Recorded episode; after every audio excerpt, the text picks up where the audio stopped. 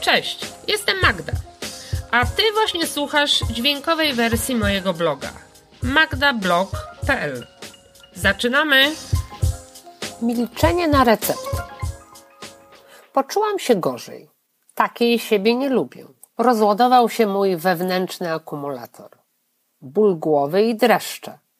Kończy się rok szkolny, dlatego pomyślałam, że to przemęczenie. Następnego dnia zachrypłam. Z trudem artykułowałam myśli. Tłumacząc zawiłości królowej nauk, straciłam głos.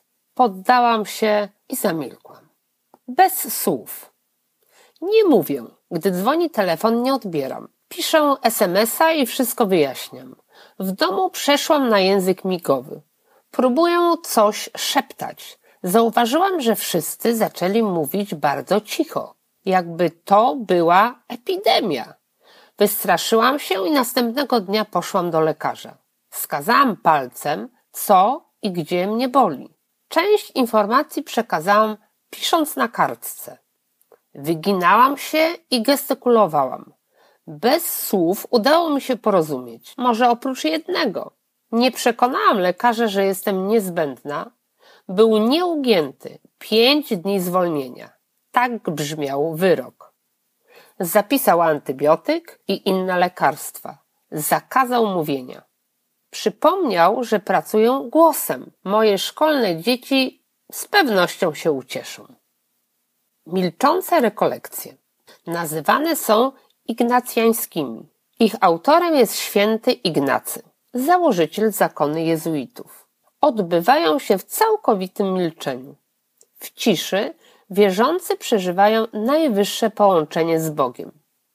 Uczą się spotkania z Bogiem poprzez rozważanie Słowa Bożego, zawartego w Piśmie Świętym. Zakładają, że do poznania Boga konieczne jest poznanie samego siebie. Rekolekcje są ćwiczeniami duchowymi w formie medytacji i kontemplacji, a pierwszy etap trwa pięć dni prowadzi do prawdziwego pokochania siebie, bliźniego i Boga, akceptacji siebie i swojego życia. Dopiero po pierwszym etapie mogą nastąpić kolejne. Rekolekcje cieszą się popularnością wśród duchowieństwa, coraz częściej również wśród osób świeckich. Przejedzeni słowem. Za pomocą słów komunikujemy się z innymi koncentrujemy się na wypowiadanych zdaniach. Dobieramy słowa tak, aby możliwie najlepiej wyraziły to, co chcemy powiedzieć. Współczesny świat jest pełen słów. Wypowiadamy ich coraz więcej, a robimy to coraz szybciej. Trwa konkurencja. W gonitwie za dobrami materialnymi i sukcesem poczucie szczęścia oddala się i czujemy pustkę. Wypełniamy ją mówiąc nieustannie – Nieprzemyślane słowo często obraża i rani, oddala niedawno jeszcze bardzo bliskie sobie osoby. Przekaz medialny nie znosi ciszy, odzwyczaja nas od niej. Słowo za słowem toczy się łatwo i szybko, traci na swoim znaczeniu i wartości. Media oskarżają bez udowadniania winy, oceniają i osądzają.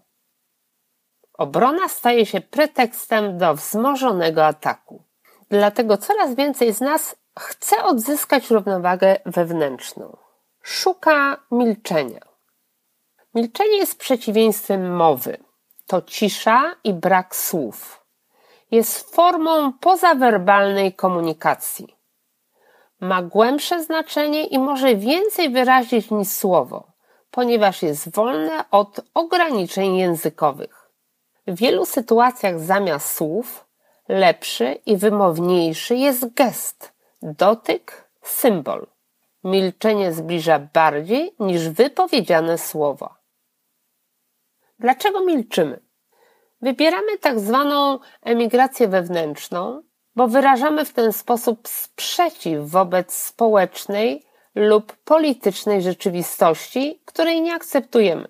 Ukrywamy się przed krzykiem, potokiem słów bez pokrycia i gadulstwem wśród którego nie czujemy się komfortowo.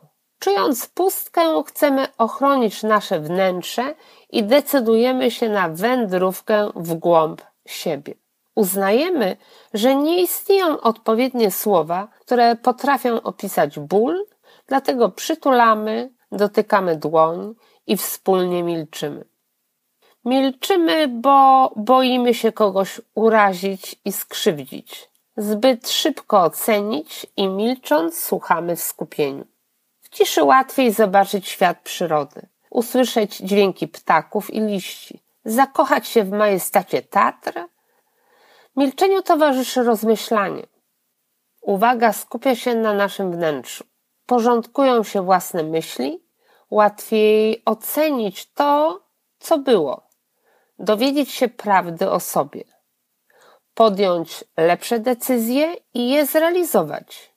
Kilkudniowe milczenie na receptę przypomniało mi opowieść siostry Anny o trzydziestodniowych jej rekolekcjach w milczeniu przed złożeniem ślubów wieczystych. Na dzisiaj tyle. Jeśli chcesz być na bieżąco, zapraszam na mój Facebook, Instagram i blog. Do zobaczenia!